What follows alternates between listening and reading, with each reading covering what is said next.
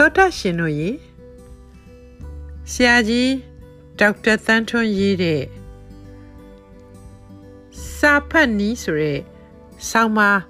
ဒုတိယပိုင်းကိုဆက်ဖတ်ပြပါမယ်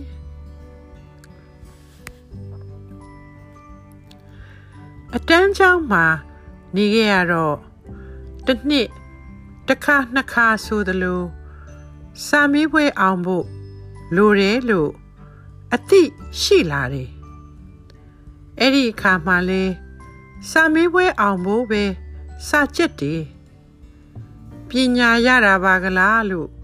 ကွဲကွဲပြားပြားခွဲခွဲခြားခြားမစင်းစားမိပါဘူး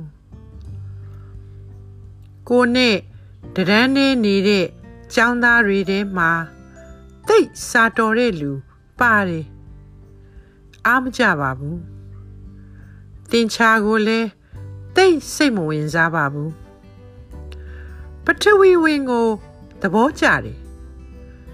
တမျိုးပြောရရင်ဒီလိုမြေနေထားဒီလိုရာသီဥတုဒီလိုပတ်ဝန်းကျင်နဲ့ဒီလိုလူအများစူးစားရင်တိုးတက်ကြီးပွားချမ်းသာတယ်လို့သိလာတယ်ဒါကြောင့်လက်တွေ့ လောက်ကင်ဆောင်ရွက်အောင်မြင်ပုံကိုနှစ်သက်တယ်။တမိုင်းကသူများနိုင်ငံနဲ့ရှင်ကြည့်ရင်တို့ကရင်ပေါင်တန်းတိုးတက်သလားလိုက်မမီအောင်ကွာဟနေသလားဆိုတာတွေသိလာတယ်။ဒါကြောင့်တမိုင်းကိုစိတ်ဝင်စားတယ်။တမိုင်းရဲ့ပထဝီဝင်ရဲ့ပေါင်းဆက်ရင် ဘောဂဗေဒပညာဆိုတာရှိသေးတယ်အလားတူစိတ်ဝင်စားစရာဖြစ်တယ်လို့တွေ့လာတယ်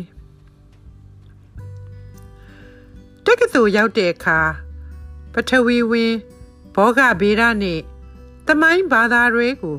ယူလိုက်တယ်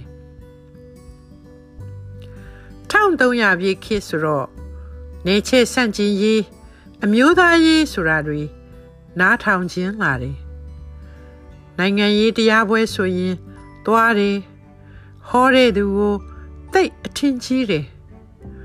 သူ့လိုတော်ခြင်းနေအဲ့ဒီအခါရောက်မှပညာကိုလိုလို့စာဖတ်တယ်ဆိုတာသိလာတယ်